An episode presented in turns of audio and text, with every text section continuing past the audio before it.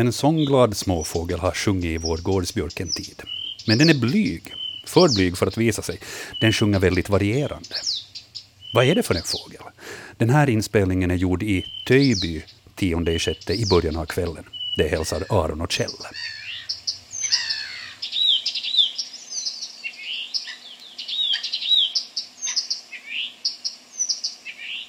Vad säger du Hans, vad är det för en fågel? Ja, det är en av vår, våra finaste sångare som sjunger. En busksångare. Uh, typiskt för busksångarens sång att den sjunger så här lugnt och, och melodiskt. Upprepar samma tema en fyra, fem gånger och så byter den. Och den kan också plocka in härm, härmningar från andra fåglar. Bland annat har den med rosenfink som kommer längre fram. Och sen har den förstås också fågelleten från Asien där den övervintrar. Framförallt på Sri Lanka där de flesta övervintrar. Så det är en av de här få fågelarterna eh, hos oss som flyttar i sydostlig riktning till vintern. Den plockar med sig lite dialekter och sånt? Ja, ja, de kan plocka med sig ganska mycket. Och sen förstås, av de loka- där kom rosenfinken. Mm. Och sen plockade de då de här lokala fåglarna. Där första svaret i den här kvällens upplaga av Naturväktarna. Vi får säga god afton, god kväll och välkomna med. Vi håller på fram till klockan 21.00 och eh, på plats i studion har vi Hans Hestbacka och eh, Anders Albrecht. Välkomna. Tack. Och eh, Annika Ljungberg som sköter bildbloggen och har hand om alla e-postfrågor är också med. Och så har vi Jyrki Häyrinen som sköter det tekniska i Böle. Och mitt namn är Joakim Lax. Hörni, Anders och Hans, vad har ni haft för er den här gångna veckan? Anders? Jag har nog mest suttit och svettats i solen. utom, då när jag varit i vattnet. Men att jag, har, jag har faktiskt haft ganska mycket innejobb nu, så jag har inte hunnit så jättemycket ut. Men att det, det, väx, det växer ju något otroligt nu. Det är alldeles, alldeles skrämmande hur det, hur det växer. Och, och sommaren är ju, börjar ju vara nog i, i full gång nu. Men fjärilarna är nog ändå, speciellt nattfjärilarna, men också på dagen, så de är, de är inte så lika långt som man skulle vänta sig nu. Att vi befinner oss nog ännu i ganska försommartecken. Mm. Hans då, hur har din vecka sett ut? Ja, alldeles bra. Värme och sol. Och, och eh, också vistelse på kärringstugan i Närpe som och det som har glatt mig stort är att uh, det finns ganska stora flockar med ejderhonor och halvvuxna ungar. Och det är ju ett uh, positivt tecken. Och det, ejdrarna i Närpes brukar varje sommar få en hel del ungar flygfärdiga. Uh, I södra Finland så, så är ju problemet att de här ungarna lätt blir uppätna i, i de, de allra flesta. Men åtminstone de observationer som jag har gjort, så, så det var präktiga flockar med, med ederhonor och ungar. Skönt att det finns livskraftiga populationer där i varje fall. Ja. ja. Mm. Och Annika, du, du har haft födelsedag igår. Jaha, ja, det, det, har jag visst gjort. så att, eh, grattis från redaktionen, så det ska vi väl säga. Hur har din vecka varit? Eh, tack så mycket. Eh, fullt upp, så att man inte ens har hunnit märka att man fyller år. Ja, men det, det, det är sådär med åren, tänkte jag säga. Men du är ju ung ännu, ska vi säga sådär. Hördu, du, eh, innan det blir pinsamt så ska vi gå vidare istället med de frågor som har kommit in. Eh, före det så ska jag säga 0611 12 13, det är ju telefonnumret man kan ringa hit till Naturväktarna. Eh, vi kommer att ta de första samtalen om sådär 5-10 minuter, så ni behöver inte genast nu ringa, för att då kommer vi inte att svara. Utan vi har några e-postfrågor som vi ska titta till först. Annika, jag lämnar över till dig. Ja, vi börjar med en bildfråga som man hittar på vår bildblogg. På svenska.yle.fi natur hittar man bilder på de frågor som har en bild bifogat. Och Klas-Göran har just det, skickat oss en bild, eller egentligen två bilder, på en insekt som jag tycker ser jättespännande ut. Eh, Klas-Göran undrar vilket vackra flygfäde han har fotograferat på Skarpnåtö i Hammarland. Och på de två bilderna så finns en kanske en och samma insekt som ser i mina ögon väldigt lika ut. De är fluffiga på kroppen och ser ut som en, kanske som en humla till proportioner och hårighet, men de har en sån där litet huvud i ändan, så det är inte så det, och det är inte en humla, för det ser jag på vingarna också. De har på något vis tycker jag fel form för att vara en humla. Och de har sådana tydliga ribbor längs med kanterna. Så den är liksom, formen på själva insekten är mera som en broms. Och det där, sen har den annorlunda uh, antenner än, än humlorna. Så en humla är det nog inte. Men jag har lärt mig att det är många insekter som vill se ut som en humla för att, uh, för att rovdjur ska tro att de är humlor. Vad är det Klas-Göran har fotograferat? Ja, det här, det här är djur som kallas dagsvärmare. Och de är alltså fjärilar. Och som har stor delar av vingen är helt klar utan något, något färgfjäll alls. I själva verket när de kläcks så, så är de helt täckta av färg. Men i första vingslagaren så faller de här fjällen av. Och de är, de är stora som större humlor ungefär. Och ser ganska, ganska humlelika ut faktiskt. Den ena arten heter humlelik dagsvärmare och den andra heter svävfluglik dagsvärmare. Tyvärr går det inte att se på de här bilderna skillnaden, alltså vilken art det är. Det är så att en humlelika har en, en falsk ribba på vingen som den svävfluglikna saknar då kan vi gå över till följande fråga, för jag tycker att det ser liknande ut. Och här har vi bilder från Marianne och hon har kommit åt att ta bilder lite närmare på en väldigt likadan kompis. Och hon undrar vad det är för insekt som suger nektar från gullvivan. Och Mariannes bilder så ser man faktiskt tydligt den här gullvivan. På ena bilden är insekten med huvud och allt helt inne i den här blomman. Och om jag försöker gissa vad du talar om, ribbor, så ja, den har ju liksom väldigt tjocka så att säga, konturer kring sina vingar.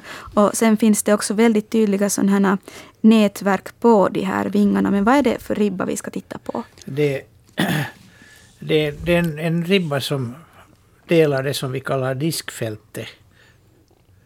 I, i det där. Så ungefär mitt i, mitt i vingen finns ett, ett fält som hos den här delas av en längsribba. Nu alltså så där tvärs över finns det en sån tjockare ribba där vid, vid mitten av, ja, av främre från, vingen. från den inåt mot basen, från mitten av den, går det en, en ser ut som en ribba, eller så är det inte någon. Men nu, min visar svart bara, min ruta. Får du den förstorad på din maskin? Mm. Men jag fick inte här den jätte... Nu fick jag lite förstorad. Bilden är nog tagen så att det är svårt att säga om den är, är svart eller bara ser ut att vara svart. Här är nog ganska starka kontraster. Så det kan vara att det är någon annan mörk färg. Jag ska titta en. Men här ser man faktiskt på de här närmare bilderna som Marianne har tagit. De har jättepräktiga antenner som inte bara är en, en sticka utan de är som avlånga fjäder formade som jag känner igen på, på vissa slags fjärilar. Ja, jo, den, här, den här har den här. Som, som egentligen inte är en ribba utan det är bara en, en rad av fjäll som går där var den här rudimentära ribban borde sitta. Så det här är en humlelik dagsvärmare. Okay. Som Marianne ja. har. Klas-Görans vågar vi inte säga. För det, det ser vi inte. Och jag, jag får överhuvudtaget inte in de här bilderna på min, min maskin nu. Ja, men jag ska se till att du har en maskin när vi kommer till följande satsfrågor. Men att vi, vi, kan ta lite vidare om de här, jo, om, de här gärna. om de här dagsvärmarna. De, liksom många, många andra svärmare så suger de nektar utan att sätta sig i blomman. De svirrar som kolibrier över blomman och sticker in sugsnabeln. Och ja, det är sant. Den sitter ibland får någonstans. den sticka hela näsan in för att den nektar sitter så djupt. Ja, det är just den här vad det humleblika dagsvärmaren gör just med den här gullvivan som vi har på den ena bilden. Att den har hela huvudet inne i den här gullvivans blomma. Ja, nu får jag in bilden och Det tar jättelänge. Men att... Och till skillnad från de flesta andra svärmare så flyger de på dagen i solsken. Att annars är det bara... Till exempel skymningssvärmarna kan flyga mitt på dagen också. Men normalt så, så är det inte det. Vi har en tredje art dagsvärmare ännu som är en gäst från söder. En stor dagsvärmare. Eh, betydligt större än de här och den har inte den här genomskinliga vingarna utan den har helt färgad vinge. Och de här, de här är någon, någon av de här arterna eller den här skymningssvärmaren så är, är orsak till de rapporter av kolibrier som vi har fått från, från Norden. Kolibrier har vi ju inte här. Här ser man ju också hur otroligt välfungerande systemet eh, fungerar när den här humleliga dagsarmen kör in sin, sin framkropp i, i, det här, i, i gullviven så fastnar det, sätter pollenkorn på, på, på pannan och huvudet och de avlevereras sen till nästa blomma när han flyger dit. Ja, och gullvivan har ju olika typer av, av blommor. De har med, med lång pistill och korta ståndare och tvärtom. Så att de ska... När, när de sticker in, in sig igen med korta ståndare så får de det där pollenet på, på sugsnabeln. Mm. Och, och pistillen på den här igen eh, når nästan till pannan på fjärilen. Så att den, den, ska inte, den ska inte kunna pollinera den här samma växten. Det, liksom, det, det träffar inte rätt. Utan den går till den annan där det är tvärtom och då överför den pollenet. Det är någon som har tänkt till där. Nå, någon, har, någon har tänkt till, ja. ja uppenbarligen fungerar det. Här ser vi ju också de här, här är sådana orangea fläckar. Som, som visar var, var öppningen in, in i blomman är. Nu, Ja, det är på basen av varje kronblad. Är det så att Ja. kronbladen är hjärtlika? de är lite kluvna, ja. Ja, och, och där i basen av hjärtat så finns en lite mörkare orange fläck på varje kronblad. Ja. Så det blir sådana fem, Och de här fem fläckar, fläckar runt. fläckarna kallas mitten. nektarmärken och de visar åt, åt fjärilarna var, var den finns. Så skulle vi se det ännu i ultraviolett ljus så skulle de här markeras, de här fläckarna väldigt tydligt. Mm. Men vi ser ju dem också på, på de här blommorna. Ja, det finns en parallell till våra trutarter. De har ju en orange fläck på undre näbbhalvan. Det är sant det, ja. Och, och, Ja. och trutungarna hackar på den här fläcken för att föräldrafåglarna ska spy upp mat. Också ett signalmärke. Det är ett signalmärke, Ja. ja. Mm. Orange fungerar bra. Jo. Och också för oss. Ja. Så brukar ja, det vara en tydlig inte- signal Inte, för att inte för fjärilarna. Ja. de, de, de uppfattar inte orange, men antagligen så är, är någondera parten, det gula eller det orangea, lyser klart i ultraviolett. Mm. Och då, då blir det en otrolig kontrast. Blommorna ser inte alls ut för fjärilarna som de ser för oss. De ser ut som någonting helt annat. ja, det där är ganska märkligt. Man tänker inte på det ofta, men att de har en helt annan synvärde än vi har. Mm. Och vem säger att det är vi som har rätt? Nej, Ja, nej, precis. Hörni, fascinerande. Um, 0611 12 13, det är telefonnumret man ska ringa ifall man vill komma i kontakt med våra experter här nu under sändningen. 0611 12 13 och vi är beredda på det viset att ta emot vårt första samtal.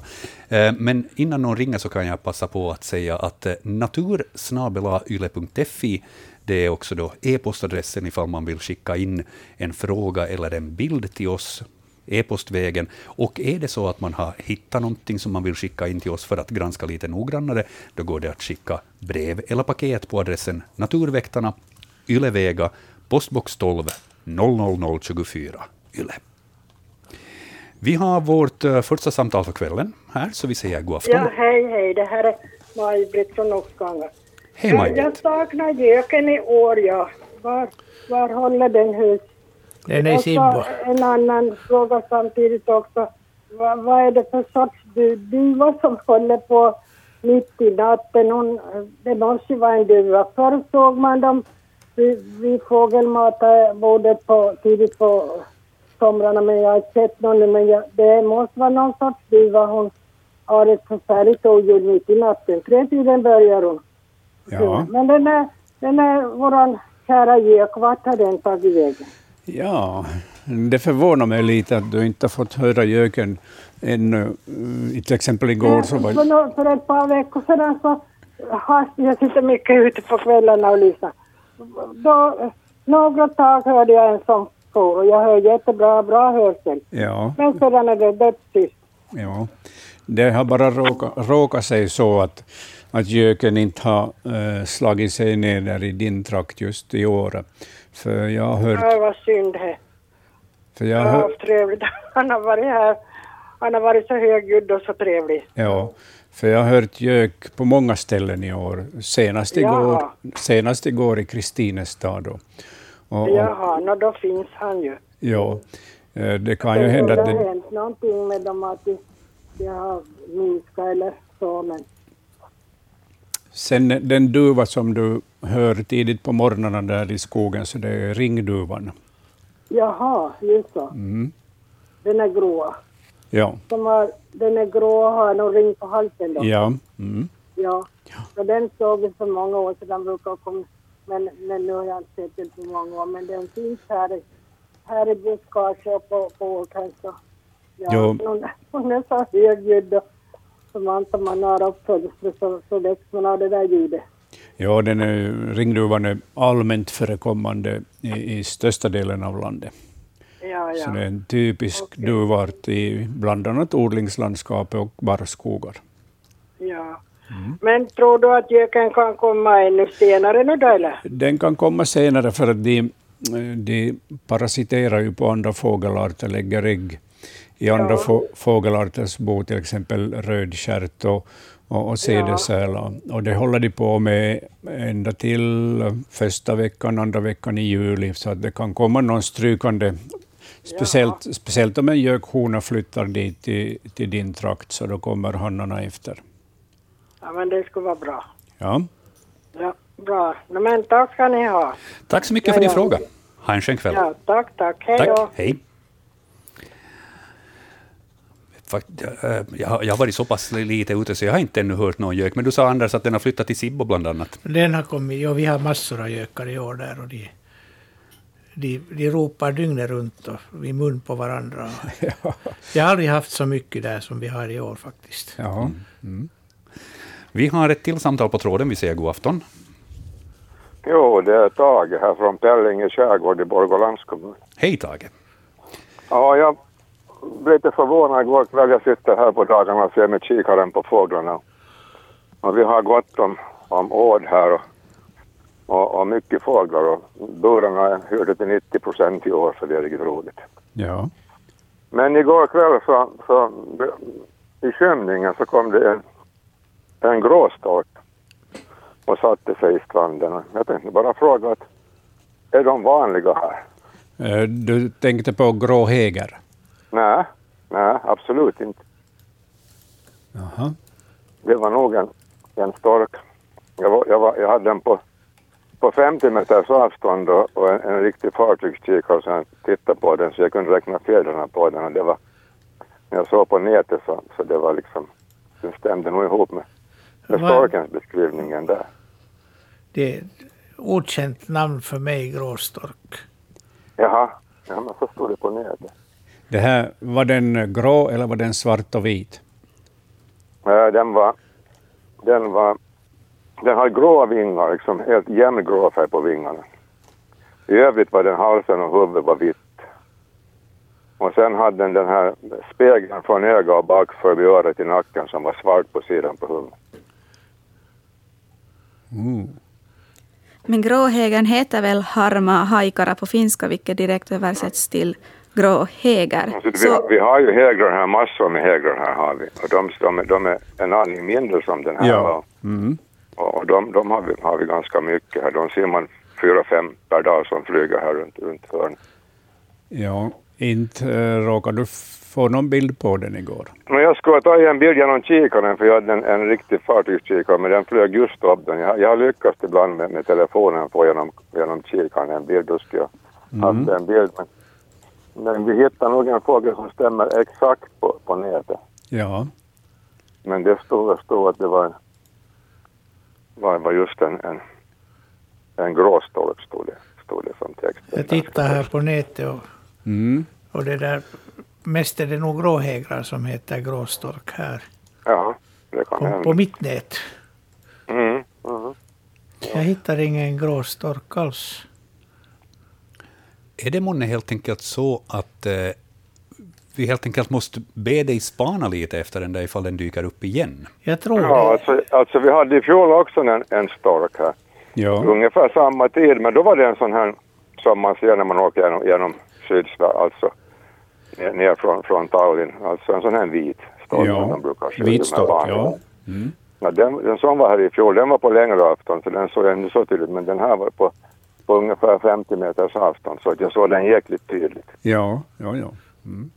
Men vad det sen var, det är svårt att säga då i det fallet. Ja, Ja. jag- kommer inte på något annat om det inte var en hägare än en trana. Nej, nej. Du sa gråvingar. Ja, den har grå, gråa vingar. Ja, den satt över liksom själva vingen och allt. vad. Det var inte något brokigt grått, det var jämngrått. Mm. Liksom. och vit kropp. Mycket, mycket jämngrått och vitgrått. på. Mm. Och näbben var gul och den var från sidan lite kanske ganska lång men lite kraftig kanske tillika. Mm. Kanske lite grövre än hägern. Och sen från ögat hade den en sån här svart eh, spegel liksom så gick ända bak till nacken på sidan. Ja. Som var kanske, vad skulle jag säga, tre centimeter Mm. hög ungefär ända bak till. Ja, vi lovar att äh, göra en hemläxa på det här till nästa vecka. Ja, vi får se på det här. Ja, intressant. Okej. Och det skulle vara fint, Tage, som sagt, ifall du ett tu tre råkar få en bild på den där, så Jag ska skicka för försöka all få en bild på den, i- på den i så fall. Ja, nu, nu har du ett uppdrag. Nu har jag ett uppdrag. Okej. Det är bra. Ha en riktigt skön kväll och en trevlig midsommar. Ja, tack. Tack, Tack. detsamma. Hej. Tack, hej. Ha, lite av ett mysterium. Ja, jag tänkte lite på äggrätthäger, hur det ser ut i ung fågeldräkt och så där. Det finns ju flera olika hägerarter, så vi ska... Men de är, de är inte större än gråhägern. Nej, men äh, det fanns ju ingen annan fågel att jämföra med. Det. Nej. Men, men vi ska göra vårt bästa till nästa vecka ja, med Ja. den här. Alltid intressant med utmaningar. Jo. Visst. Vi har ett annat eh, intressant eh, mysterium också att försöka lösa här. Ja, men kanske en halvtimme så ska vi ta och lyssna på det. Det var ett fågelljud som vi fick in förra veckan redan. En fågel som lät ungefär eh, på ett ungefär. Och eh, vi ska ha Hans att lyssna på det där lite sen och så ska vi försöka komma fram till vad det kan vara för att Jörgen han, han gick bet på den förra veckan. Så vi får, vi får se ifall du klurar ut den. Men det återkommer vi till. Ja. Hörni, e-posten ska vi titta till. Annika. Till nästa vi tar en titt på vattenfynd. Jag kan inte riktigt säga vad det är, för det här är två mysterier. Äh, Lovis har skickat första mysteriet som är hittat på Hästö i Kronoby. Och det är en geléklump som hittades i vattnet. Och Lovis har tagit ett fotografi på den här klumpen då den har blivit lyft upp på stranden på en klippa. Och jag ska nu försöka beskriva vad som syns på bilden så är det nu faktiskt en, en klump. Man ser nog någon form av struktur så, så det där det är inte bara en, liksom en, en, en rund geléklump som formar sig utan den har någon struktur men, men man ser inte alls vad det är som skulle ha bildat den här strukturen. Man ser att den är lite grönaktig eh, eller grönbrun så den är inte riktigt klar och färglös. Och sen finns det vissa områden som har mycket mera grönt på sig. Men där tar mina kunskaper slut. Jag ger över till Anders och Hans. Jo, det här är en, det här är en koloni av blågröna alger släkten Nostock. Nostoc. Att om vi mikroskoperar den här klumpen så ser vi där inne trådar som ser ut som pärlband. Ungefär lik, lik, liknande de här anabenorna som man hittar i, i, i plankton då när vattnet blommar. Och de är också nära, nära släkt med de här, men att de är då inbäddade i det här slemmet och som störst kan de vara upp till närmare 10 centimeter i diameter, de här klumparna. Och de, vanligen så de, de vi hittar åtminstone i Finska viken är sådär mellan en halv och två centimeter. Men att de finns i både sött och, och bräckt vatten och rinnande och, och stående och gärna i där var det finns någorlunda näring. De behöver inte så mycket. Att till exempel i Tärna älv kan man hitta väldigt stora sådana här klumpar och fina. Så det är en, det är en blågrön alg, alltså en, en sorts bakterie som lever i det här slemmet. Är det här alltså dessa blågröna alger som, som ställer till för träet? Och det, här är, det här är inte de, men det här är, det här är släktingar till släktingar till dem. Alltså de här anabena arterna som, som är vanliga är, kan vara giftiga någon gång som liknar den här. Utom att de då inte har det här tjocka slemmet. Men sen den här den här gif, giftiga, så den har en helt annan bygg, byggnad på de här celltrådarna. De, de är inte så här pärlbandsliknande. Så att, men de här, den här är ingen, ingen farlig, men inte betyder det att den är ätlig heller inte. Den ersätter nog inte apelsinmarmeladen på smörgåsen. Det ser ut som skulle kunna vara någon form av lime-marmelad. no, den, den påminner, ja, den är sån där. Den, den har nog ingen struktur egentligen. Det, det bara råkar hur det här slemmet är byggt. Det har ing, ingenting som stöder den eller motiverar någon form på det. Och tar man upp den så då blir, blir den ju lite tillplattad. Den är så pass mjuk. Mm. Den har visst ingen närmare namn på svenska, men, men på finska kalla, kan den väl kallas för sinimolluset. Så den har fått ett Jaha. eget namn på finska. Det var spännande. Men Lovisas geléklump, det är alltså en koloni av blågröna alger, det ja. kan vi ge som svar. Mm, fint. Uh, ska vi ta ytterligare en e-post? Ja, det är mera vattenliv, eller inte vet jag om det här är levande eller inte. Lasse funderar verkligen vad det här mysteriet ska kunna vara. Um, ah, maskligt sjöodjur, då är vi kanske i djurriket. Um, ehm, Lasse bifogar alltså en bildsnutt på ett maskligt sjöodjur från Eckerö på Åland och vi har en stillbild från den här, eh, från den här videon. Den är alltså hittad vid stugan vid strandkanten. Man kunde förväxla djuret med något sjögräsaktigt om den inte rörde sig, som man ser på bilden. Hoppas ni ser sjödjuret. Detta var tidig morgon när det var spegelblankt. Tycker mig se att den har ett huvud som påminner om sjöhästens. Vad kan det vara? Ja, det här är, om jag såg rätt på den här videosnutten, så, så var det mindre havsnål. Uh, det är alltså den här mera tydliga uh, snöret här i bilden till vänster. Sen är det en, en tångtarm som sticker, tarmtång som sticker upp till höger här. Mm. Den här bilden som, som Lasse har skickat är då från, säkert från ytan ner mot vattnet, så själva vattnet mm. är väldigt mörkt. Och sen i ena kanten ser man någon form av alger som täcker ungefär halva, halva bilden. Och från den här algdelen sticker det ut två trådformade grejer. Den ena ser jätte uh, genomskinlig ut, så du sa att det var en alg, och den som är längre till vänster formar en slags krok uh, på den här stillbilden. Den är, fisken är till höger. Nej. No, Anders har visst sett, uh, sett video, alltså ursäkta, Anders har inte sett videon utan ser bara stillbilden. Jag ser stillbilden, jo. Här, och ja. den är ganska otydlig. Men här, här tittar fisk, fisken upp, upp till klockan ett. Och den här algen som är tunnare och vitare ligger till vänster om den på min bild. Ja, i, i den här video av, uh, videosnutten så simmar den här ah, just till ja. vänster. Den här vita, tunna. Den här vita, ja. Så det var algen som simmade och, och havsnålen som sitter fast enligt Anders? Den här, den här vita den, den rörde sig i olika krumbukter kan ja, man säga. Ja, ja, ja det, det, kan nog hända. Jag, den här stillbilden visar nog ingenting. Nej. Nej. Den enda att den här algen ser lite ut som en, en nålhuvud. Det har du alldeles rätt i. Och jag trodde först det var den när jag såg stillbilden. För den ja. liknar alldeles kantnålens huvud. Men, men då vi tittar på videosnutten här så, så simmar den här ljusa maskliknande varelser. Just ja, ja nej, jag har inte sett videon. Nej, nej.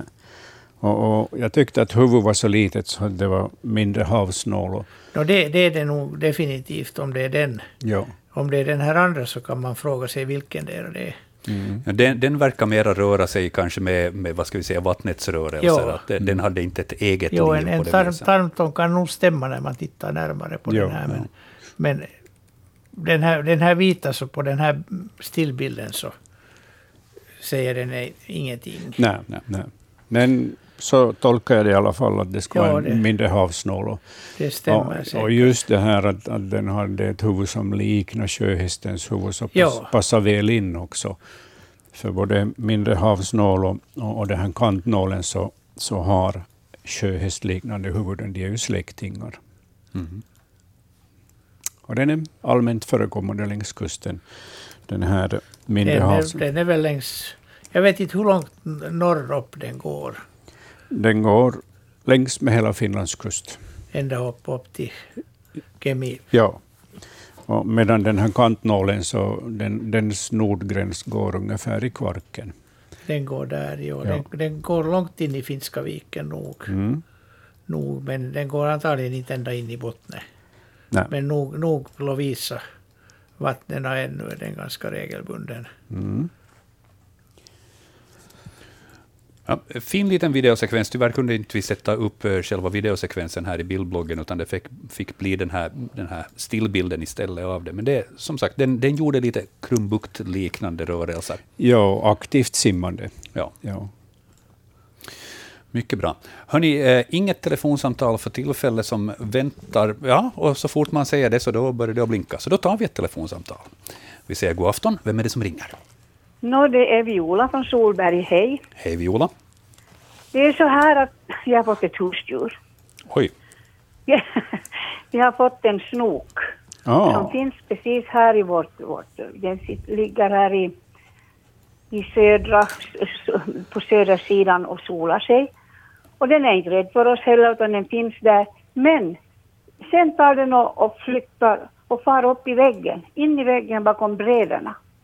ja. Och den har gjort det här två gånger. Har den liksom något bord där då, eller, eller varför gör den det?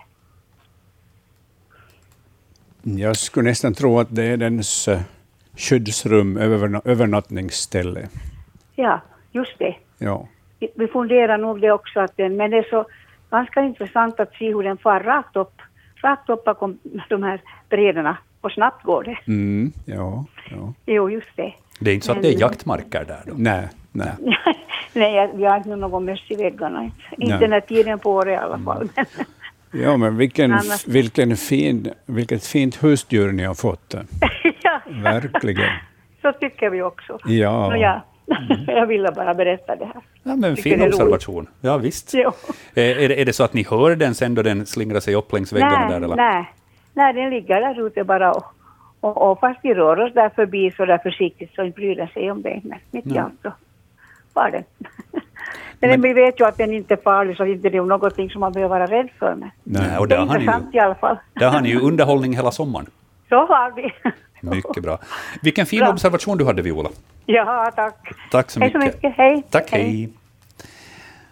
Ja, vi har fyra minuter på oss innan vi behöver släppa in nyheterna här fram och tillbaka, så kanske vi tittar till e-posten och, och tar en fråga därifrån.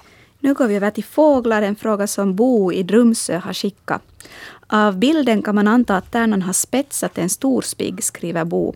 Fiskar tärnan och andra fåglar, skarvsula och så vidare, genom att harpunera sitt byte. Den här är alltså fotograferad i Drumsö. Och man ser faktiskt en fågel här som har en, en liten fisk som är kanske dubbelt så lång som näbben på fågeln. Och den är nog fastpickad i den här näbben av fågeln. Ja, det här är en unik bild i det avseendet. Tärnorna, hör- både fisktärnan och silvertärnan, hör till mina favoriter. Och, och jag brukar iaktta dem mycket varje, varje år. Och, och aldrig har jag sett en eh, spetsad spigg, utan de, de dyker med öppen näbb och, och, och klämmer fast eh, spiggen mellan sina näbbhalvor och, och bär iväg den på det sättet. Så det här är eh, ovanligt, mycket ovanligt. Kan du säga vilken tärna det här var? Uh, det ser ut som en fisktärna. Och hur, hur ska vi tro att, att den har lyckats spetsa den här fisken på det här viset? Är det det att den har glömt att öppna munnen då den har dykt ner efter den, eller? Ja, det är ett märkligt sammanträffande. Att den har eh, spetsat den här spiggen på det här sättet. Ja, Jag har aldrig sett något sånt här tidigare. Då får vi tacka Bo i Drumsö för, för, en, för en fin bild och en, och en väldigt intressant fråga. Finns det någon fågel som harpunerar fiskar? Eh, Det finns nog någonstans ute i världen, men inte våra fåglar. Och ingen av de här fågelarterna som han nämner. Utan de dyker efter dem och, och tar fast dem med näbben. Eh, Men jag har någon sån där vag minnesbild att jag ska ha sett eh, några uppgifter om någon fågel som faktiskt harpunerar, men, men eh, det är osäkert. Man får väl anta att den här tärnan ändå inte har något bekymmer nu att få loss den här fisken från sin näbb, alltså att den inte liksom har fastnat så att säga. Jo, nej, den bara skakar på huvudet så, så faller spiggen bort. Mm. Så det, det är inget problem med det här. Men det är ju ingen vits för en fågel att, att fånga, att harpunera en, en, en fisk eftersom den måste öppna näbben för att kunna svälja den. Så det är mycket bättre att ta den med öppen näbb. Ja.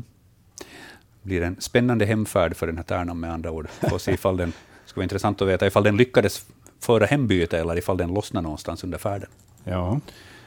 Ja, men i övrigt så är ju liksom tärnans näbb så är ju kanske väldigt lämpad för sånt här. Jag menar, väldigt spetsig är den ju. Jo, alltså de, de har ju otroligt spetsiga eh, och hårda näbbar de här. Och, och det vet de som har blivit anfallen av silvertärna och, och har fått en smäll i skallen så det blir nog blodvite.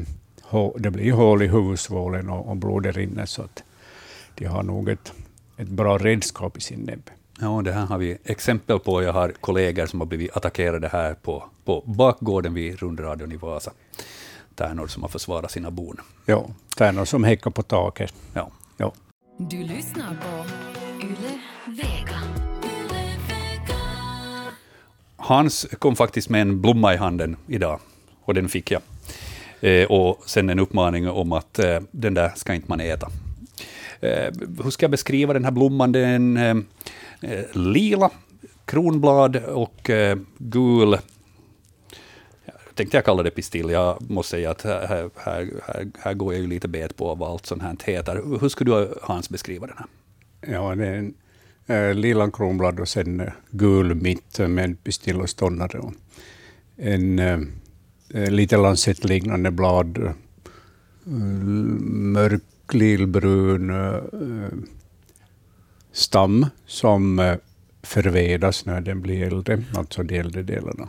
Växer längs med stränder, speciellt hos oss här i Österbotten. Är det en blomma den där? Ja, den har börjat blomma ovanligt tidigt i år. Och den doftar väldigt gott kan jag säga. Ja, den doftar gott, men eh, den är som sagt giftig. och Det här är en, en besk söta som är då släkt med potatis och tomat och, och har precis samma blomuppbyggnad som dem.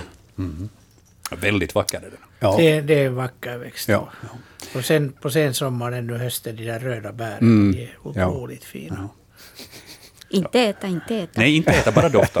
Eh, Men då jag fick den här blomman så, så slog det mig att jag menar, vi har ju midsommarafton framför oss och eh, till traditionen hör ju att, att man kan plocka sju olika sorters blommor och eh, sätta dem här under dynan. Och... Jocke, du måste nog plocka dem själv. Jo, jo, jo, jo. jo det, det, det, vet, det vet jag. Inte fuska. Ja, och, och så ska man då drömma om sin kommande käresta och, och så här. Det, här. det här säger ju liksom, vad ska vi säga, kalla det skrock, kalla det tradition, kalla det vad man vill. Men, men då slog det mig att okej, här har vi en, en blomma som är väldigt vacker, som kunde vara en sån som man plockar, men jag menar, en giftig blomma vill man ju inte ha under dynan. Nej. Finns det några andra växter, några andra vackra blommor som man bör undvika? Mm, och liljekonvaljen till exempel, den är också giftig. Anders, har du något tips? Liljekonvalj har du då? Ja, ja alltså en, en som ju kan vara ganska farlig, åtminstone här i Helsingfors, så är ju, är ju den här vildpersiljan. Den är, den är ganska vanlig här och den är ju synnerligen giftig. Finns längs, längs gatukanter och planteringar. Sen så kan jag tänka mig att eh, brännässlor kan ju vara sånt som man knycker med sig, speciellt ifall man är vid sina sinnes fulla bruk nödvändigtvis. Det kan Ja. bli lätt pickigt under dynan. Ja, den Men är ju den- inte den är inte gift, farlig, nej. nej, men den är pickig, stickig. Ja. Ja. mycket näringsrik. Ja. Och sen så ska man undvika. eh, det här, det vet jag. Eh, Undvik till exempel svärmors blomrabatter. Knyck inte någonting därifrån. Ja. Och för, jag menar av två orsaker. Dels, hon blir inte glad, och har du redan en svärmor, då behöver inte du plocka blommor för att drömma om en ny käresta. Nej. Så att där är ett hett tips så där inför midsommarafton. Var försiktig med vad ni plockar för blommor.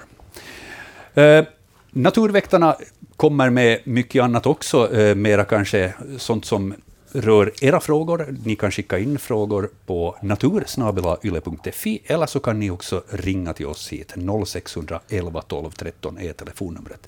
Och vi går vidare med frågorna. Här är många som ringer, så jag tänkte att vi kan ta ett samtal genast och säga god afton. Vem är det som är med oss? Hallå? Jag hör att det är någon där. Hallå, hallå. Ja, hallå, hallå? Är det, Det är du det är nu? som inte har min röst i radio. Ja. Men Det är som fördröjer. Men, men de säger hela tiden att, att det, det, det, det telefonsamtalet får hela tiden ei ole palveluksessa. Mm, jo, Det... det, Man bara hela tiden hålla på att ta det där numret på nytt. Det var som jag tänkte berätta om, det, apropå ormar. Så, så vi hade... Vi, bodde i ett stort hus som kallades Skogshuset. Och, och där hade vi, för- några år sedan så hade vi en, en lång, jättelång snok. Och vi hade en liten damm och där bodde, där var näckrosor i den där dammen med näckrosblad. Jag stod med kameran och solen sken så hade kameran i handen. Och så vår, vår den där tama snoken kom, kom slirande. Och så satt den på en blad en liten, liten grön groda. Under grodan såg förskräckt ut, där kommer ormen. Och, och, och jag står med, jag skulle ta ett foto för det, när man blir så till sig när man ser sånt här. Ormen var, var- steg upp liksom för att ta den där, den grodan. Och ett tu tre så hoppade grodan rakt mot ormen. Och det hade ju ingen väntat sig, åtminstone inte jag. Och, och den, den eh, hoppade liksom över ormen så att ormen, ormen blev helt konfusad och vart tog den vägen. var det ett typexempel månne på att anfall är bästa försvar? Mm. Mm. Klar, klar, klarar sig den här grodan iväg sen? Den klarar sig, jo den klarar sig. Den hoppade rakt, rakt emot. Ormen kom inte ens att tänka på att den skulle snappa den på vägen eller någonting. Men den, den, den hoppade rakt mot ormen och över och då, så, försvann den. Mm. Den hoppar ut ur synfältet. Jo, den hoppade ut ur synfältet. Ja. Annars hör ju groddjuren just till de viktiga bytes, bytesdjuren för snoken och fisk. Fisk och groddjur. Ja, och det var, hon- han låg, den här ormen var ju där vid dammen hela tiden för att den där fanns ju grodor fast hur mycket och, Ja, ja, och, och den, den fick ju sin mat där. ja. En mycket god servering, uteservering. ja, ja. Spännande observation du hade, hör du.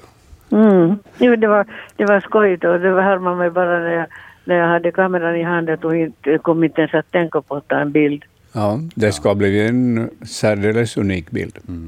Men det, kan Ja, jag, det kan jag säga, ibland är det bättre att uppleva det utan att titta genom en kamera. Det kan nog hända, det kan nog hända att du har rätt, ja. Mm. Hör du, tack för din historia. Mm. Ha en riktigt, ha en riktigt skön midsommar.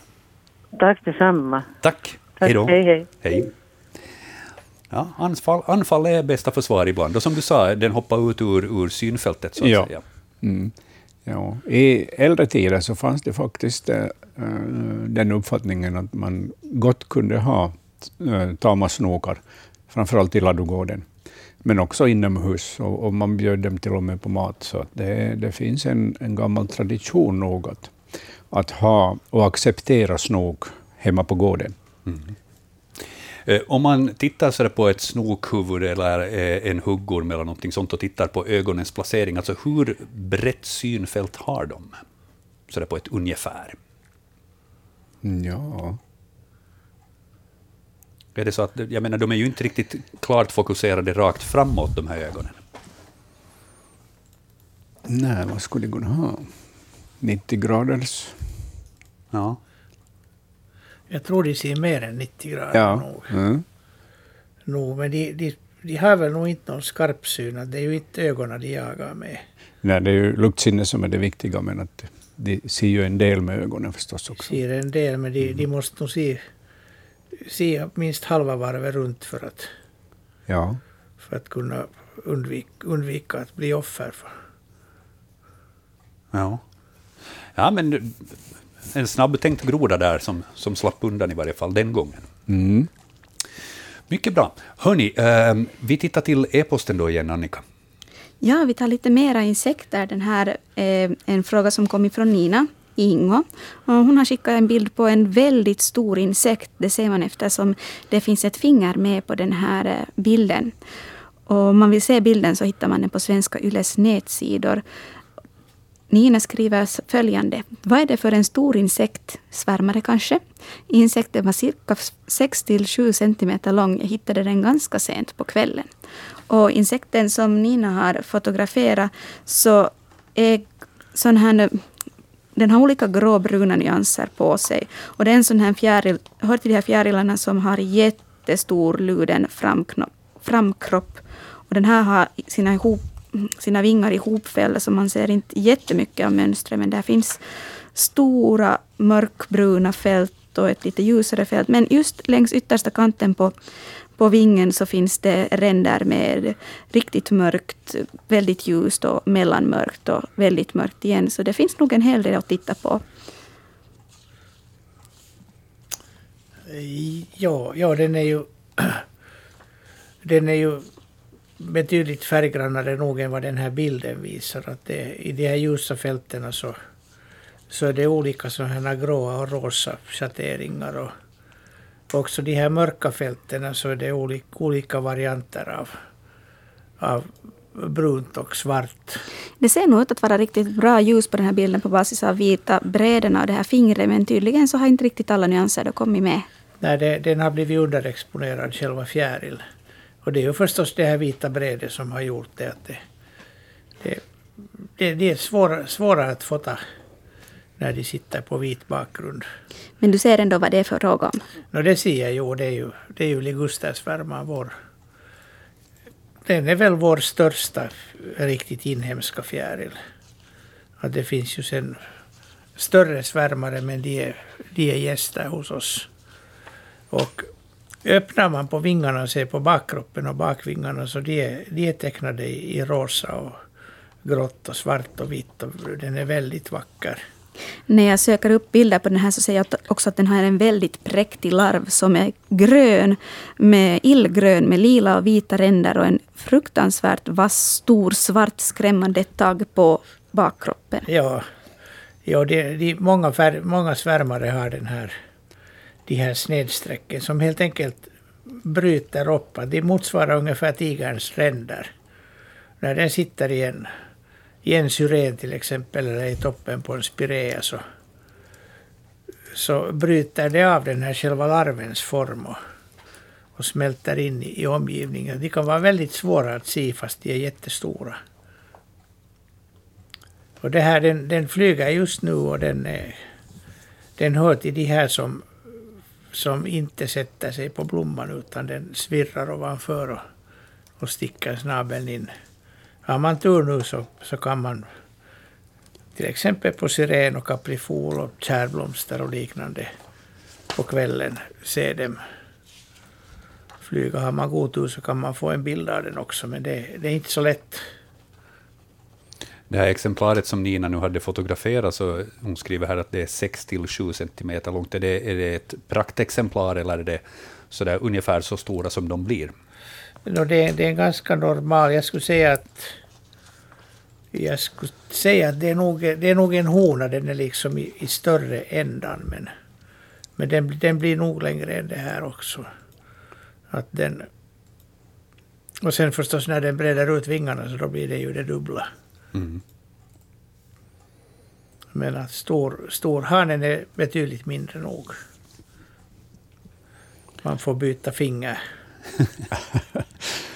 Ligustersvärmare sa du att den hette. Ja. ja. Hörrni, vi har många samtal på tråden som väntar och vill in, så vi, vi ska passa på här och eh, säga god afton. Vem är det som hör av sig? God afton, det är Ia som ringer. Hej. Jag ringer om en revobservation om man så säger. i östra Helsingfors i Nordsjö. Här för ett par veckor sedan så såg jag en större rev som strök omkring på gården. Och nu har det då uppenbarat sig också att där finns tre ungar som mankhöjden ungefär 20-25 centimeter höga. De har grävt sig under ett lider och, och bor där.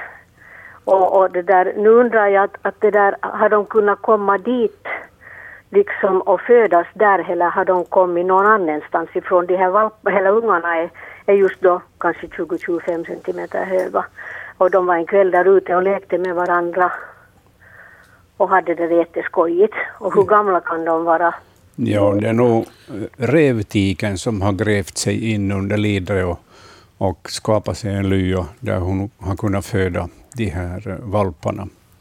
Okej, Så att eh, hon kan flytta förstås sina ungar från ett ställe till ett annat om hon tycker att det första stället är farligt, men att eh, allt tyder nog på att hon enkom har grävt sig in under lidret då för att eh, ha en bra lya där för sig och sina ungar. okej. Men när de inte det, heller när de är ganska stora så hur snabbt växer de så här stora då? Mm, ja, kanske en månad gamla. Fyra, veck Aha. fyra veckor gamla. Okej, jo, jag, har, jag, jag har sett dem kanske nu en, bara en vecka ungefär, de här ungarna där. Ja. Att det där. Men Ja. grannarna har sett dem. Ja. Det där, stryker de sen omkring eller har de eget revir eller hur kommer det här att fungera? Ja, det fungerar som så att när ungarna kommer ju att lära sig omgivningen småningom och, och de blir ju då äkta stadsbor, precis som sin mor och förmodligen Ja. också sin far. Och, och, och eh, håller ihop med modern och eh, fadern ifall han är en familjeförsörjare, men det behöver han inte vara. Mm. Eh, En del hannar deltar i, i, i uppfödningen av ungarna. Och eh, sen är de ute på, framförallt under nätterna, på allt längre strövtåg. Och I september, senast i september, så brukar familjebanden brytas och då strövar de omkring för sig själva, de här ungarna, Okej, och skaff, skaffar sig ett eget område. Just så, okej. Det där, eh, så man kan inte göra någonting, att, att de, det går liksom med tidens tand så att säga. Att de, Jo, det går med småningom. tiden. stann. Ja. Nu, hur är det sen liksom i nästa år? Kommer de tillbaka till samma ställe eller hur, hur gör de? Ska man göra någonting åt det och försöka täppa till hålen så att säga? Nej, jag tror inte att ungarna kommer, men tiken kan kanske komma tillbaka för att föda på samma ställe. Om, Okej. om hon har upplevt den här platsen som en trygg och bra plats. Just så, okej. Mm. Eh, men kan man liksom, ska man spärra av det och på vilket sätt i så fall? Eh, Om man nu inte vill ha dem där springande i knutarna. De Mm. har tagit en, en, en hare där som jag hittade, hittade kraniet som var väl avätet så det var bara faktiskt benet. Benet Ja. var hela ryggraden och allting. eh, Där det var kvar men, men allt kött var uppätet. Ja, det är noga med att ta tillvara Ja. den proteinrika födan. Själv skulle jag låta dem nog eh, använda lidre eh, flera år om de bara vill vara där. Så att, eh, de, de, de är ju inte farliga för människor, till exempel de här revarna, men, men tar av den här naturliga födan som finns i staden. Harar, Ja. kaniner, duvor och sånt, och matrester. Precis, just det. Men om man skulle vilja göra att man inte vill ha dem där, hur ska man göra då? Ja, då måste man ju sätta ett galler för där sedan på hösten när de har försvunnit. Jo, just så. Mm. Och då måste man sätta det så förstås att de in, in, när de gräver att de inte kan gräva under gallret kanske. Jo, jo, Just det, att det ska gå ganska djupt. jo. Just så. Okej. Mycket Ja, men bra. saken är klar. Tack för det här. Tack för din fråga, Ia. Ha en skön midsommar. Samma, tack. Tack, hej. hej. Ja, Alltså, vissa gånger så kan ju en rev kanske vara en rätt trevlig granne. Jo, det är otroligt intressant att ha sådana här vilda djur in på knutarna och kunna följa med deras familjeliv. Mm. Verkligen. Och som du var inne på, harar, kaniner och sånt. Visst, sådana är också trevliga att följa, medan vissa tycker att de kanske då äter upp träd, Ja, äppelträd, körsbärsträd liknande och sånt här. ja. Så då kanske man kan välja då att, att hålla kvar reven. ja det tycker jag. Ja. Ja. Reven är ju en av, ett av de här däggdjuren som trivs bra i städerna idag. Hur snabbt kommer ungarna ut så och, och, och leker så att säga i det fria? Du uppskattar att de här var kanske en månad gamla. Ja. Mm. Tre veckors ålder då brukar de börja komma ut. Och, och på ett sånt här ställe där det inte blir stöd och där honan inte varnar då hon ser människor, så kommer de ut, ut tidigt. De kan vara ute på dagen också och leka. Mycket bra. Hörni, ehm, vi har fler samtal på kommande här. Vi kanske tar ett samtal till innan vi tittar vidare på e-posten när vi säger god afton. Vem är det som ringer? Hallå? Ja, det är någon där på tråden. Jo, hallå. Hej! Det är Maja Sjöblom från Borgå som ringer här. Hej. Hej Maja. Hör du, vi hade ett sådant äh, rakt fågelbo i, i en sån här blomkruka på bastuväggen, alltså på utsidan förstås.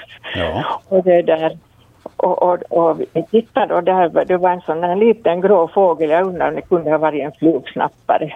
Ja, en grå flugsnappare. Ja, jo, Ja. vi har en svartvit där i ett annat i Ja. ett träd alltså. Jo, men den här var nu på det sättet och, det där, och där fanns i, i boet fyra små söta ägg. Ja. Och den där eh, honan ruvade där men flög bort förstås så fort hon såg att jag var kom i närheten. Men i alla fall så var jag då eh, följande dag sen i stan, alltså jag var inte på stugan utan när jag kom sen då därpå följande dag ut så ser jag hur de där paret flaxar så där oroligt där upp och ner och där vid bastun. Jag tänkte vad i världen är det? Och, och så när jag kom närmare såg jag att det där boet, det som var alltså inne i den där blomkrukan, ett vackert, vackert bo. Så det här, det var en del av det var nere på marken och så hängde det nu lite, lite byggmaterial där. Ja. och det där. Och, och någon hade då varit där och, och nappat de där äggen. Men det som förvånade mig var att jag såg ingen spår av något äggskal eller någonting överhuvudtaget. Ja, de har blivit uppätna helt och hållet, de här äggen. De har så tunna skal så att till exempel huggorm eller kråka eller skata eller nötskrika så slukar de hela. Jaha, hur är det med ekorren? Är den också så där duktig på att svälja? Mm, när den brukar nog eh, gnaga hål på äggen och krossa dem så att det blir, eh, så att det blir några skalrester på marken. Just så, det är någon, någon större fågel då synbarligen som har Mm, varit där. Ja, det finns säkert skata och kråka där. Mm, nå, inte så förfärligt mycket men att nu tror jag att jag har sett någon, jo. Och nötskrika finns. Har du skogen nära? Jo, Jo, jo, då finns alla de där tre aspiranterna. Nötskrikarna är ju en som trivs i skogen och eh, som håller reda på allt sånt där. just så. Jag har nog inte hört någon nötskrika hojta Mm. där men att Mm. det kan ju ha varit där i alla fall. Ja. Ja. Nej, men har du tack för det här? Jag var faktiskt förbryllad och funderade vart i alla världens dagar tog allt, alla spår försvunnit. ja. Ja, men där fick du svar. Tack för ditt samtal, Maja. ja, tack. Hej. Hej. Där eh, tar vi paus med samtalen för en liten stund i Naturväktarna. Vi har en del e-post också som vi ska titta till. Annika? Ja, vi har pratat lite om insekter här senaste bild, så vi fortsätter insektvärlden. Och nu är det fråga om en larv. Den här är väldigt liten. Det är Martin på Slottskär i Björkö skärgården i Korsholm som har skickat in en bild på en liten larv och dessutom på björkar som Eh, relaterade till den här frågan. I fjol fick björkarna någon larv som åt deras blad. I år har dessa larver kommit på nytt. Verkar vara ett avgränsat område i kärnan av Natura 2000 och Kvarkens strandskyddsområde. Området är cirka två kilometer långt och berör en del av de större skären, Lappören och Slottskär, samt mindre grunder emellan. Nu verkar det som om en del av de äldre björkarna inte återhämtat sig från fjolårets angrepp utan redan är döda. Befarar att en stor del av de resterande gamla björkarna inte kommer att klara sig efter årets angrepp och då har vi stora arealer med kala skär om några år. Vad kan orsaken vara? Inte är det väl oskötta naturaområden med en massa björkar liggande på stränderna efter midsommarstormen 2018. Vi fogar bilder på björkar som dött, blåst omkull samt larven. Och den här larven som Martin skickade in var ganska mörk, men jag har försökt göra den så ljus som möjligt efter att jag har fått den. Och då kan man urskilja att den nog, har lite längsgående mönster, så att den är, är mörkast uppe på åsen och sen har ljusare kanter på det här mörka bandet och sen har den en ganska jämn färg tror jag därefter. Sen är den väldigt mörk på huvudet och kanske också lite mörk på bakkroppen. Men en sån där jätteklassisk liten larv. Och jag misstänker att den här kanske skulle höra till de där gröna larverna. För de här färgerna på den här bilden kan vara helt fel eftersom den har, de har grävts fram de här detaljerna från en väldigt mörk bild. Hjälper det här Anders dig att känna igen vad det är för någonting? Ja, det, det är inget problem. Det här det är, det är larven av björkfrostfjäril. Vilken färg skulle den här larven normalt den, ha? Den varierar från en enhetligt ljusgrön till nästan enhetligt mörkgrå. Och den, här är, den här är ett ganska mörkt exemplar. Faktiskt, om, om du har lyckats få den rätt den här. Vad sa du att den här krypet hette? Björkfrostfjäril, ja. eller björkfrostmätare. Och de kan faktiskt kaläta björkar. Van, vanligen sker det i, i arktiska trakter, alltså uppe vid Ishavet och uppe i Lappland. Det kan vara den här och så är det fjällbjörkmätaren också som de turas om lite med det. Fjällbjörksmätaren är en mycket grant grön larv. Men det här är nog den här och det kan hända att här är andra arter med också men de kan kaläta björkarna och de kan faktiskt dö på, på ett år. Så att det, det ser illa ut med de här björkarna. Vad är det som kan orsaka att det kommer, de kommer i stora mängder, speciellt om de nu inte ofta är så här långt söderut? Jo, no, det, den finns i hela landet. Ja, det, men det är väl inte så stora mängder oftast? No, den, den är en vanlig fjäril överallt. Okay.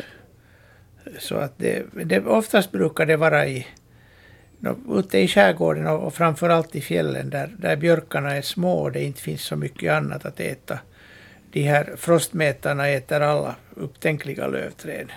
Så de är inte alls... De är ju, de är ju ver, verkliga besvär, besvärliga djur i äppelträdgårdar och, och sådär. Men att de här, men de, de kan och det... Sannolikt är det, är det någon, någon obalans, att dit, dit populationerna... När den här ökar så kommer en parasitstekel och ökar efter.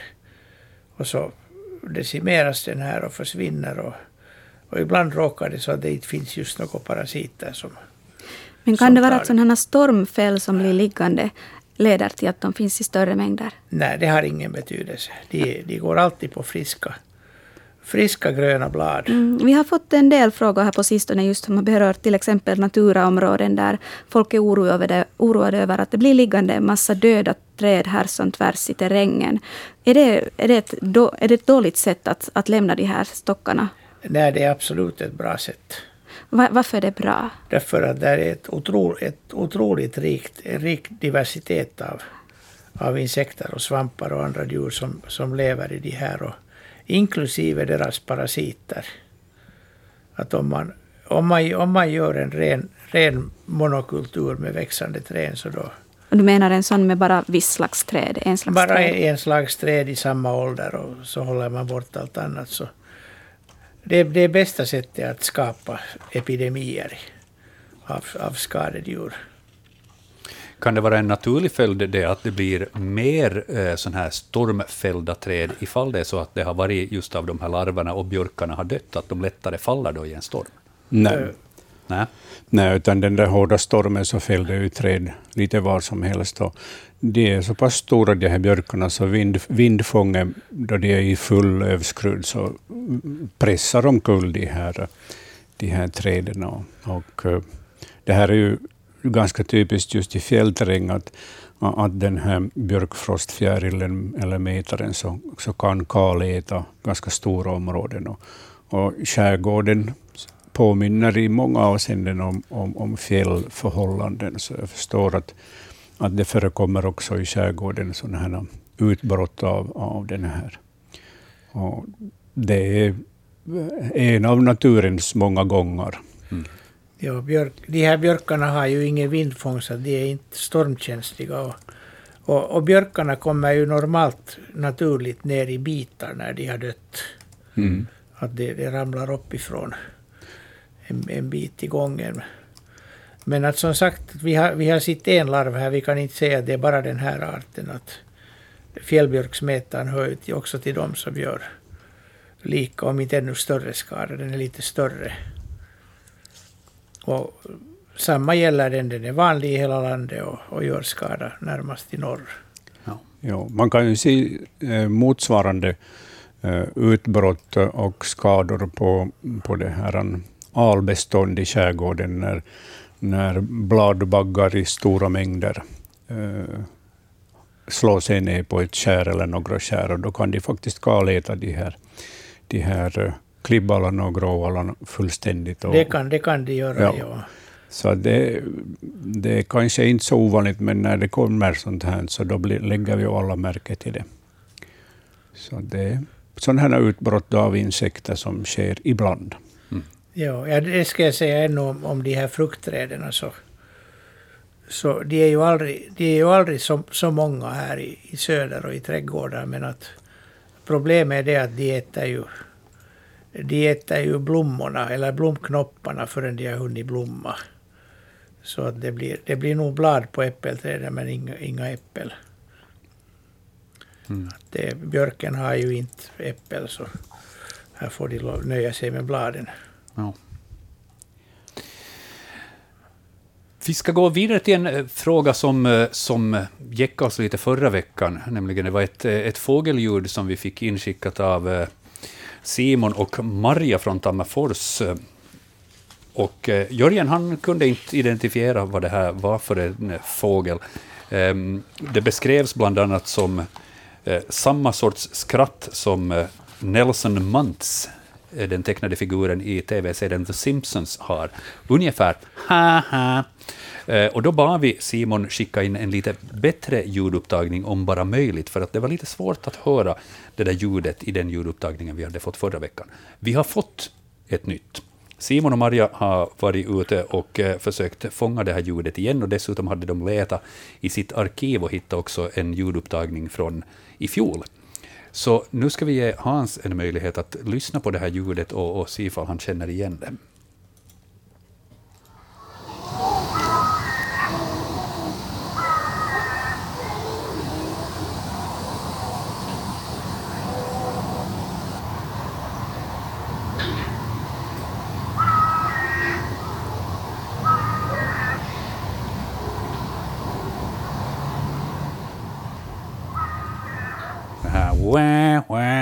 ljudet, det är det som Simon och Maria undrar helt enkelt vad det är.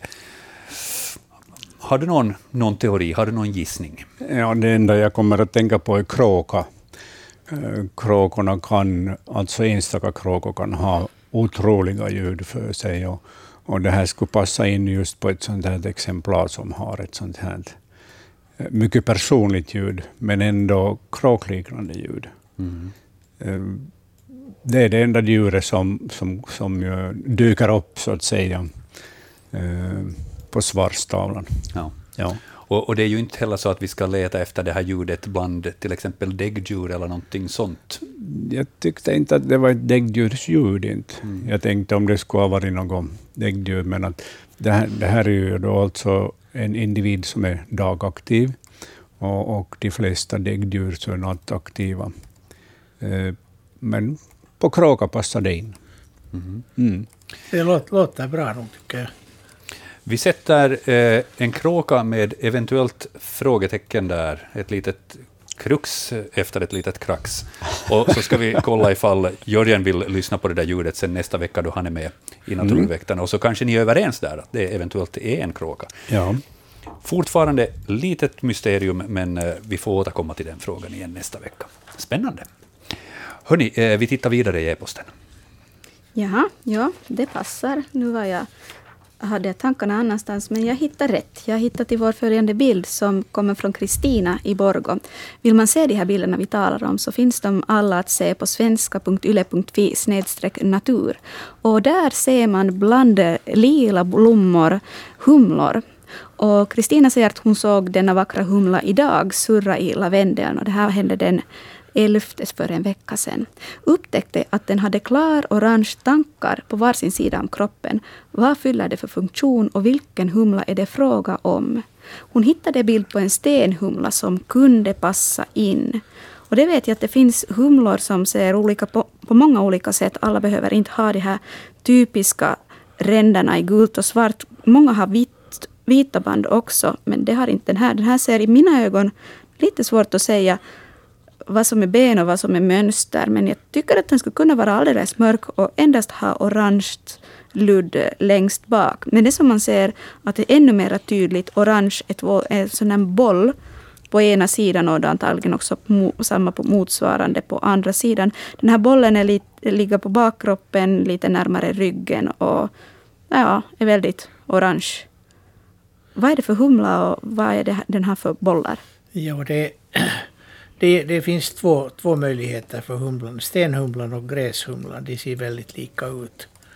Så det, det kan vi inte säga på det här. Man måste faktiskt titta på bakkroppsspetsen och gräva bland håren för att hitta, hitta kännetecknen. Men att den drottningen och arbetarna är, är, är svarta med, med röd, orange-röd eller röd bakkroppsspets. Hanen har sen lite gula band också. Och de här bollarna de sitter inte på bakkroppen utan de sitter på bakbenen där humlorna samlar pollen från växter. Och det här är, det här är lupinpollen så den har varit och, och samlat på lupiner. Lupinen hör den här tiden på året till en av de absolut viktigaste näringsväxterna för humlor. Så att tänk på det när ni utrotar lupinerna. Ja, samtidigt så konkurrerar ju lupinerna med uh, de vilda växterna om pollinerarna.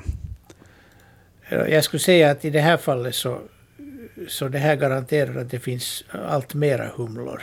Ja. De, de ökar och speciellt då om vi tänker på oss så när, när fruktträden blommar så då har inte lupinen ännu börjat. Mm. Och det betyder att och, humlorna behöver ju näring ända till hösten. Att det räcker inte med de här äppel, äppelblommorna. Så att de här, de här jobbar för nästa årets äppelpollination. Så att den, den, den konkurrensen tror jag inte på, utan jag ser det snarare tvärtom. Ja. De ger, ger mera, mera det där. Och lupinen är ju mycket speciellt byggd, så det, det är faktiskt bara humlor som kan pollinera den. De, de ska pumpa. När de sitter så tar de i med benen och så ska de pumpa den här kölens blad är hopvuxna och det pistillen pumpar ut en, en pollensträng liksom, så det är ut som en röd slang som hamnar på magen av humlan. Ett sånt här klibbigt. Det är ungefär som när man tar någon någon Kalles kaviar ur en tub eller någonting. Hur får den där pollenen sen på, på benen? Är det, är det löst eller gör det någon geggamoja av den så att den ska fastna? Måste den liksom... Det är, klibb, det är klibbigt pollen. Måste den med fötterna flytta det där pollenet och bygga de här, den, den, baka den, de här den bollarna? Drar, den drar med fötterna, den har sådana hår och sen har den på, på benen har den en sån här speciell tagg eller en sån här skovel som, som den kan packa det där pollenet i, i den här. Alltså de har en sån här glatt yta på benet som är omgiven av långa hår som håller kvar den här pollen, pollenklumpen. Då när jag först hörde om att sådana här bollar kan finnas så var det jätteroligt att börja syna humlorna på ett helt annorlunda sätt för att se om man ser de här bollarna. Det är jätteroligt att, att se dem och märka att ah, det där är kanske det som jag har hört talas om. Jo, sen, sen kan man ju fundera på olika, olika... De är ju ofta ganska trogna när de håller på och samlar pollen. Att de tar bara från en växt. Att om, de är, om de är röda eller om de är grå eller vita pollen så kan man fundera vilken växt är det nu de, de håller på med. Men vad är det för växt den här nu sitter på? Det ser inte ut som lupin. Nej, det, här, det ser ju nog ut som en lav- lavendel det här. Ah, ja, det var ju sant, ser du. Jo, jag glömde det, redan vad det stod i texten. ja. Det är bra att ni, ni Jag, hänger med har, bättre jag har jag. fått känna att lavendeln har vitt pollen. ja, det är god reklam för den kära växten lavendel, den här bilderna. Ja, ja det, det är ju en... Det är en, det är en fin växt och den, den ska man nog... Tyvärr är den lite känslig med, Mm. med övervintringen hos oss. Jag ska på, passa på att eh, slå ett slag för den här kampanjen Rädda pollineraren som eh, vi är med i här på Svenska Yle. Ehm, Det är ju så att eh, humlor, fjärilar, bin, alla de behöver vår hjälp. Och hur kan vi rädda de här pollinerarna? Nå- Några exempel är ju till exempel det här att låt bli att klippa gräsmattan lika ofta. Låt blommorna frodas där. Eh, bygg insektshotell, eller köp insektshotell för den delen. Häng upp dem på ett varmt och trevligt ställe. Eh, locka pollinerare på det viset. Eh, anlägg rabatter som humlor och fjärilar tycker om. Där några av de tipsen. Och sen när du har gjort en god gärning för våra pollinerare, gå gärna in på svenska.yle.fi natur och fyll i där vad du har gjort. Du hittar artiklar om det här temat och där kan man också skriva in vad man har gjort för god gärning. Och sen i slutet på sommaren, 29 i då avslutas den här kampanjen och då ska vi räkna ihop lite hur många goda gärningar som har samlats för våra pollinerare. Så delta gärna i den här. Telefonen den ringer. Vi ska ta och kolla vem vi har med oss. Vi säger god afton och välkommen till Naturväktarna. Nu är det någon på tråden där och då ska jag be att du vrider ner radion lite så undviker vi ett eko. Ja, hej! Hej, vem är det som ringer? Hej, det är Lotta i Degerby. Hej Lotta. Hör du, eh, jag har en sån häpnadsväckande historia. Låt Eh, höra. Jag har matat fåglar mm, hela vintern och så vidare. Och så vidare. Ja. Och så märkte jag att jag har en påse. Jag har märkt att ekorrarna är väldigt, fortfarande väldigt pigga på det där fågelredet. Mm, Det jag slutar nog i slutet på april.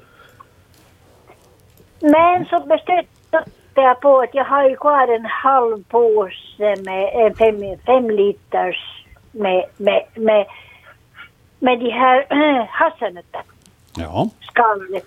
Och jag tänkte att med de härskna på under sommaren och så vidare, det är ju synd att det går åt skogen.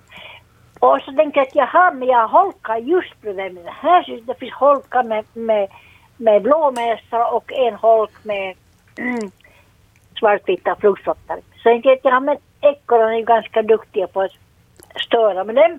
Så jag tänkte men jag fyller ut den där påsen dit så blir det okej. Och de får mat och de var där bums och de har ätit så de var fyrkantiga.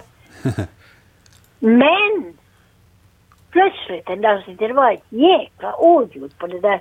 Mitt, mitt fågel, det är sånt som verkligen är ganska trångt. Så att man kan nog stå, stå upp och ner som häckarna gör för att komma åt de där fröna, eller de här nötterna.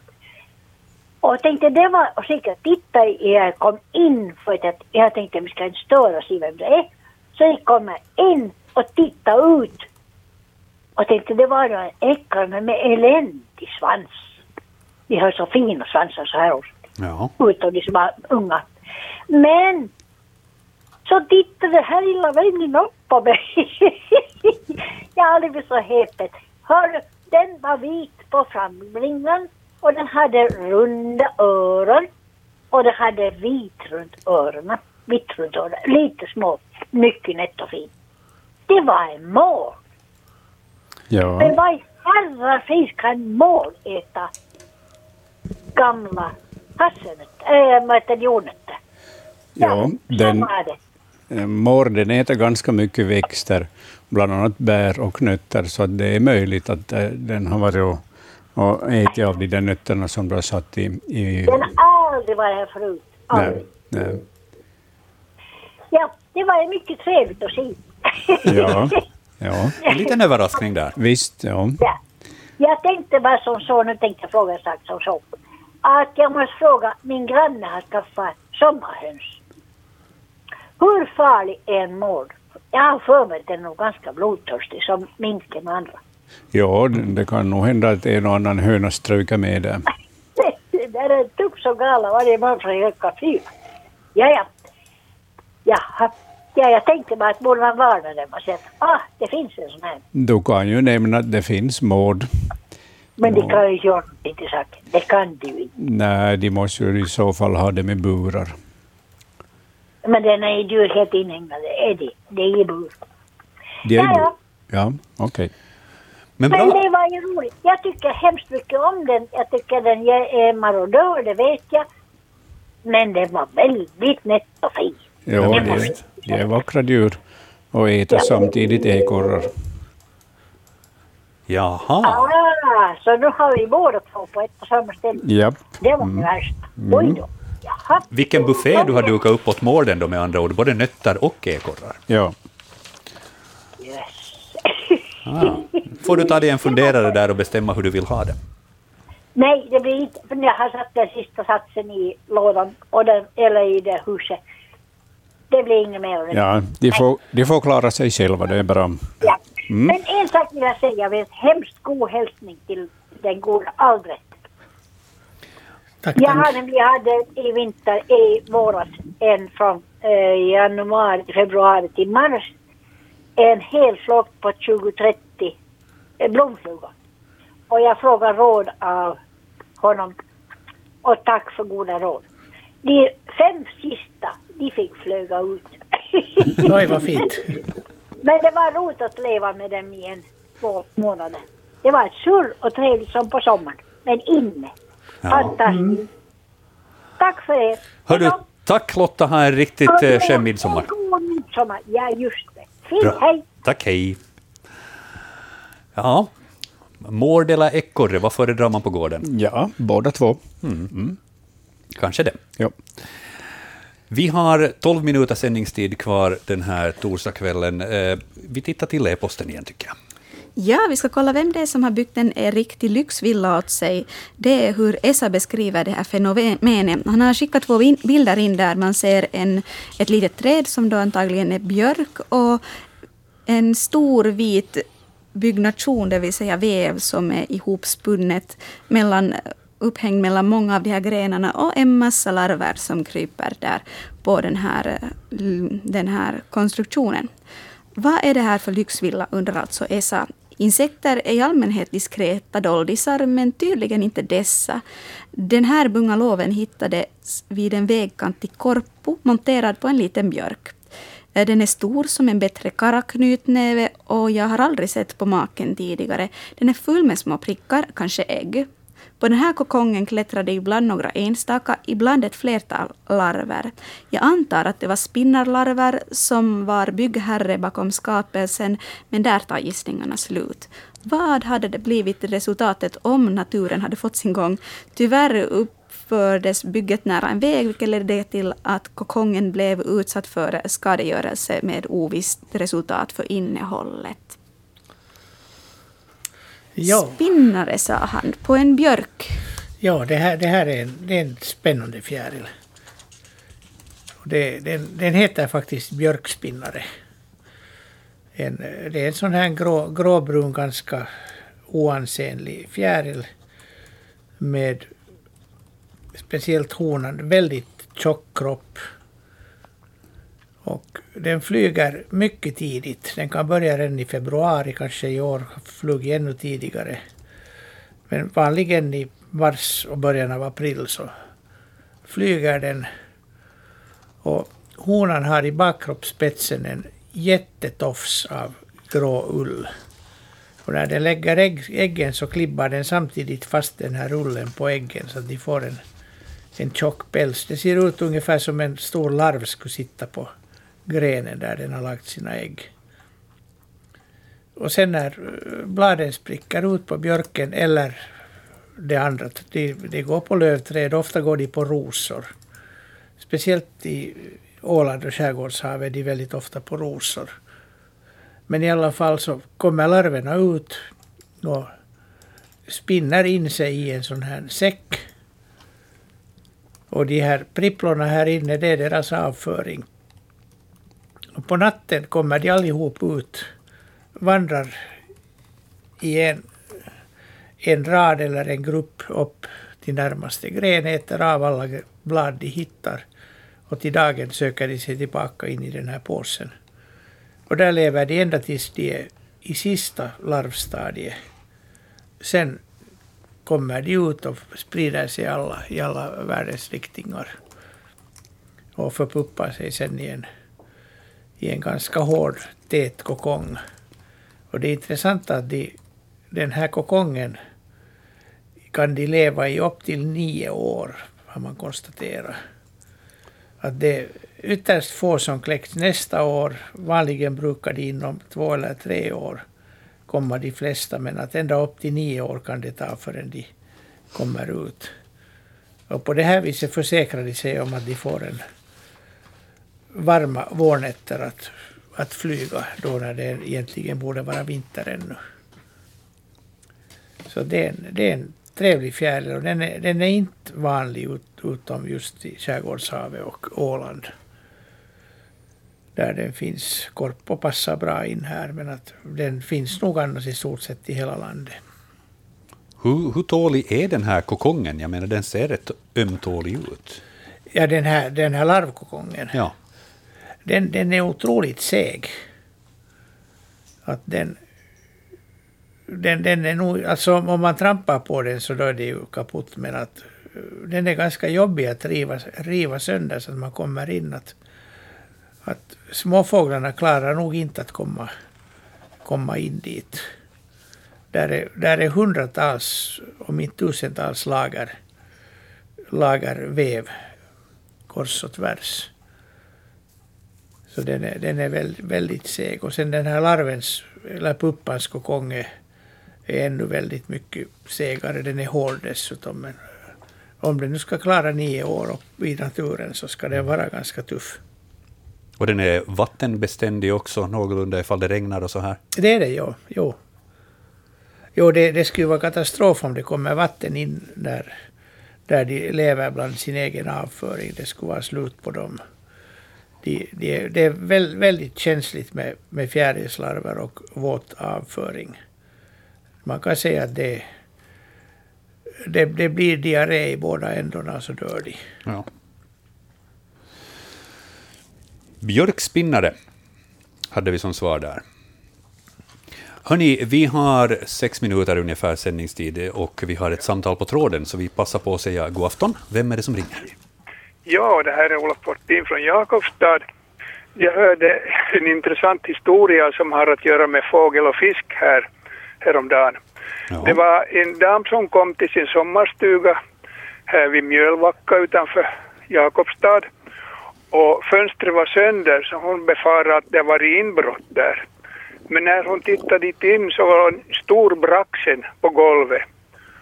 Och folk hade sett att det var en havsörn som hade den stora braxen och blev jagad av måsar och släppte braxen så den for in genom fönstret. Ja. Ja, det var en trevlig historia. Det låter som en osannolik historia att berätta för försäkringsbolaget, tänker jag. Ja. Ja, tack för mig. Ja. Tack så mycket. Tack för den intressanta historien. Ha en riktigt skön midsommar. Ja, det visar sig att, eh, på tal om havsörn och braxen, att eh, det, eh, det ökande braxenbeståndet längs den österbottniska kusten alltså har fått ganska många havsörnar att övergå till braxenfiske.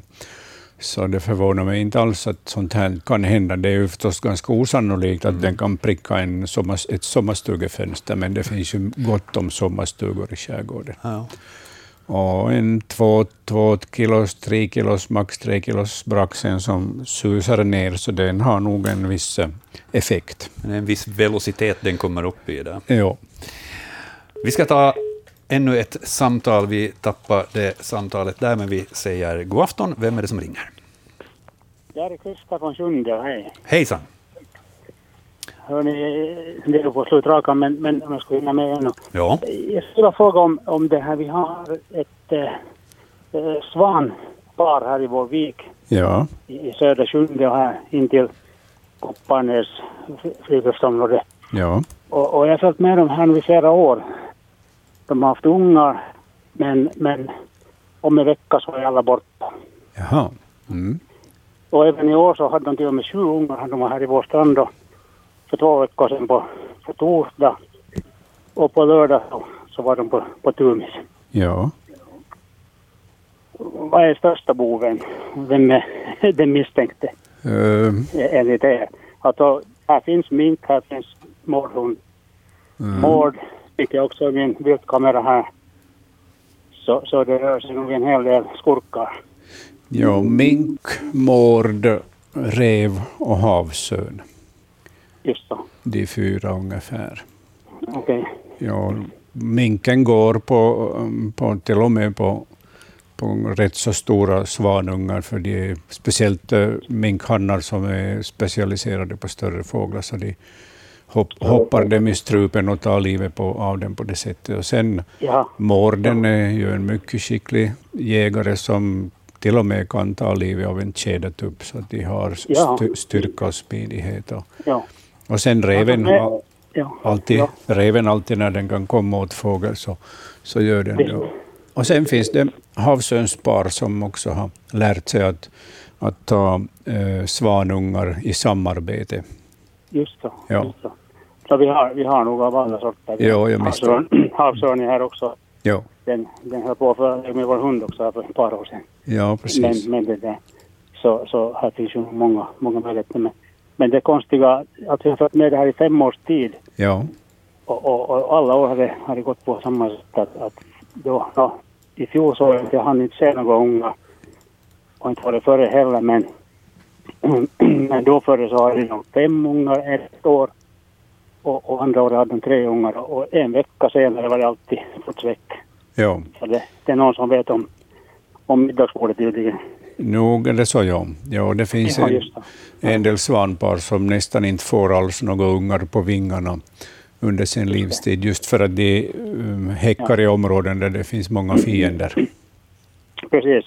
Nå, nu är det ja, svårt att veta vem det är. Men jag tyckte det var lite, lite intressant nu när det faktiskt var sju. Och Ja, jag, verkligen. gick, jag, jag gick på andra sidan viken där som, som jag har sett att, att boet finns, men, men lite, lite dun hittade. Det var en, en vass, vass hög som då troligtvis boet, alltså det var inte direkt, det såg ut som ett bo att svanen har bara på en, på en vass hög. Ja.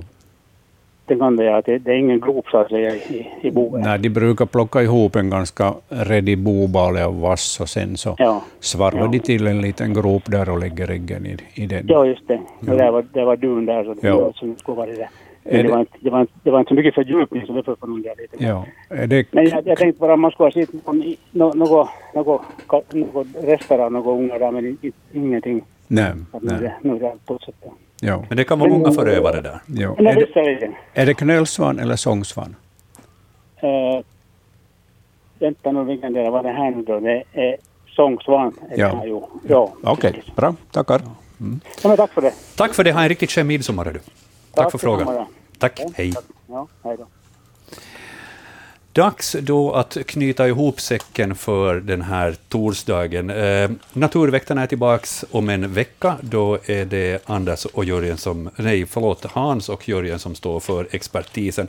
Skicka frågor gärna på natursnabelayle.fi. Eh, stort tack till Anders, Hans och Annika för hjälpen den här kvällen och samma sak också för Jyrki Häyrinen som skötte tekniken i Böle. Och ni, tusen tack för alla frågor. Jag, Joakim Lax, säger tack för sällskapet. Ha en riktigt skön midsommar och en skön fortsättning på kvällen.